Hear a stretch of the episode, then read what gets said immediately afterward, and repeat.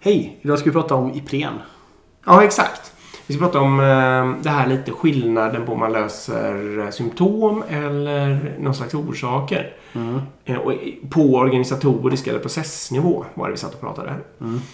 Och jag insåg att jag tyckte att eh, det här är lite IT-specifikt men jag tyckte att Safe, Talent Management eller Employee, employee Branding alla är exempel på samma sak. Nämligen lite då. Nu, nu får ni inte bli... Ta andas lite nu om ni Mm. håller på med någon av de här sakerna. Framförallt Employee Branding kanske. Ehm, men det jag tänker då är lite att eh, om man får in de där tre sakerna till exempel. Det är lite som att man försöker fixa ett, eh, liksom ett grundproblem med, eh, alltså med plåster väldigt långt ner Bandage, i ja. värdekedjan. Exakt, med bandage eller vad man ska säga. Och då tänker jag lite i det där fallet med Safe, för er som kan något om IT, då är det ju att man har en organisation som har massa beroenden på grund av att den är organiserad på något gammaldags sätt och inte i värdeströmmar och så försöker man koordinera sig ur det. Liksom. Det är en dålig idé. Eh, I fallet med eh, talent management så är det ju att man av någon anledning har svårt att få in smarta människor. Och då försöker man kanske skapa olika program och grejer. Det kan vara bra. Man försöker också planera sig ur det. Mm, exakt. Alltså man ska börja planera vart alla människor ska med olika strukturer och grejer. Troligtvis kommer det in. Öronmärka, vissa som Ja. är duktiga och så vidare. Mm. Kan hjälpa, det kan vara någon som blir glad. Vissa av de där programmen är smarta. Jag är för vissa nätverkande program och sånt där. Mm. Program för nyanställda, och, eller vad heter det, nyexade.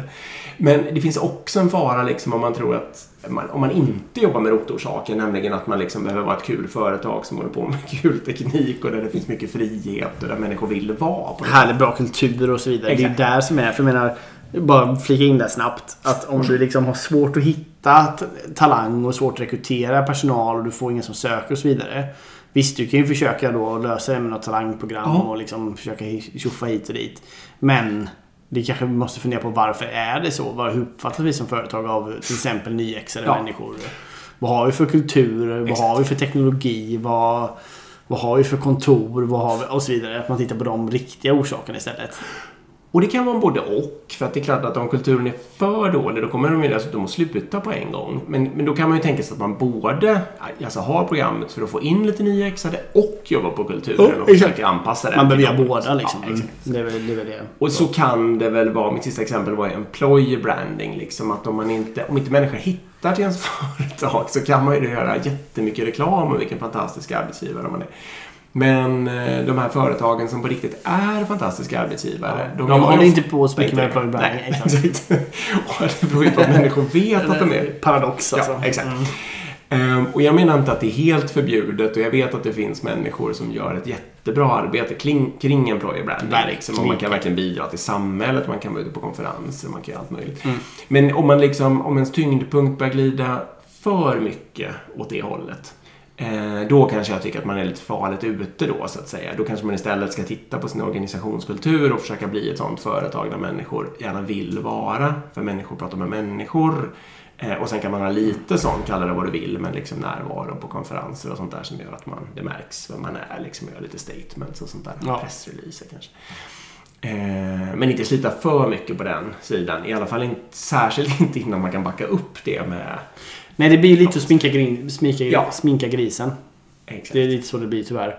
Um, att det spelar ingen roll hur mycket man står och säljer det så att säga om inte själva grundgrejen är bra.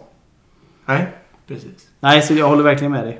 Och jag vet inte um, om ni... Precis, spaningen som sådan är då att om någon kommer med en sån här processlösning, alltså att lägga på en, en ny process ovanpå alltihopa. Där, men där ni själva kanske misstänker lite att, ja men vänta lite nu, har inte vi något grundproblem här organisatoriskt i vår kultur ofta då kan man säga. Eller möjligtvis eh, hur organisationen är uppbyggd rent hierarkiskt. Ehm, Då bör man kanske inte nödvändigtvis bara blåa, säga blåa nej och vägra, men man kanske också bör initiera ett arbete då när man liksom kommer, försöker komma till rätta med Mm. eh, Precis. Och sen, men man måste ändå ställa sig frågan liksom att okej, säg att man jobbar med tech då. Och så tar man de tio mest framgångsrika företagen i tech, inom tech som Mm. både har lätt för att rekrytera och skapa fantastiska produkter och behåller personal Mm. och allt sånt där liksom. Okej, gör, no, gör de någonting av de här tre sakerna? Nej. Det gör de inte. De, de, de rör inte de här sakerna Nej. egentligen överhuvudtaget. Nej. Nej. Ska vi då försöka röra de sakerna för att försöka bli som dem? Ja. Det är ju väldigt Det är en konstigt. dålig teori, Ja. ja. Okej, bra. Det var allt för idag. Ja, det var det. Tack. Tack, hej. Hej.